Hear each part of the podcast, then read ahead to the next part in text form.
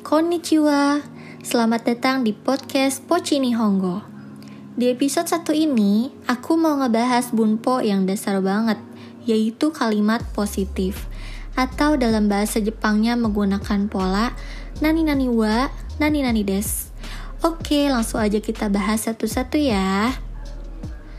Nah, pola kalimat ini digunakan untuk menyatakan kalimat positif dari peristiwa yang sedang terjadi kita ingat-ingat lagi ya, kalau polanya yaitu nani nani wa, nani nani des. Tolong dicatat ya. Aku kasih contoh langsung aja oke, okay? biar teman-teman paham. Contoh yang pertama yaitu ada watashi wa aldiani des. Artinya, saya adalah Aldiani atau nama saya Aldiani. Watashi artinya saya, dilanjut dengan partikel wa, dilanjut dengan nama yaitu Aldiani dan diakhiri dengan des. Jadi, watashi wa Aldiani des. Artinya saya adalah Aldiani. Nah, ungkapan ini bisa teman-teman pakai buat memberi informasi nama dari diri sendiri. Oke, kita lanjut ke contoh yang lain yaitu ada Karewa Takashi Sang des. Artinya dia adalah Takashi.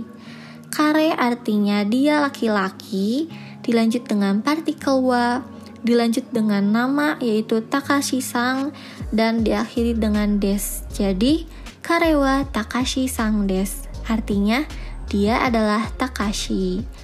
Nah, ungkapan ini bisa teman-teman pakai buat memberi informasi nama dari orang lain. Oke, sekarang kita lanjut ke contoh yang lain yaitu Kyo wa atsui desu. Artinya hari ini panas. Kyo artinya hari ini, dilanjut dengan partikel wa, dilanjut dengan atsui yang artinya panas. Cuman atsui di sini artinya panas cuaca ya, bukan panas suhu dari suatu benda. Oke, setelah atsui diakhiri dengan des. Jadi, kyo wa atsui desu, yang artinya hari ini panas. Ungkapan ini bisa teman-teman pakai buat menyatakan cuaca yang sedang terjadi. Oke, sekarang kita lanjut ke contoh yang lain yaitu Kore wa hong des. Artinya ini adalah buku. Kore artinya ini. Dilanjut dengan partikel wa, dilanjut dengan benda yaitu hong yang artinya buku dan diakhiri dengan des. Jadi, kore wa hong des artinya ini adalah buku. Nah, ungkapan ini bisa teman-teman pakai buat memberi informasi nama dari suatu benda. Oke, sekarang kita lanjut ke contoh yang lain yaitu Imawa kujides. Artinya, sekarang jam 9. Ima artinya sekarang, dilanjut dengan partikel wa, dilanjut dengan kuji. Nah, kuji ini asal katanya dari Q dan J.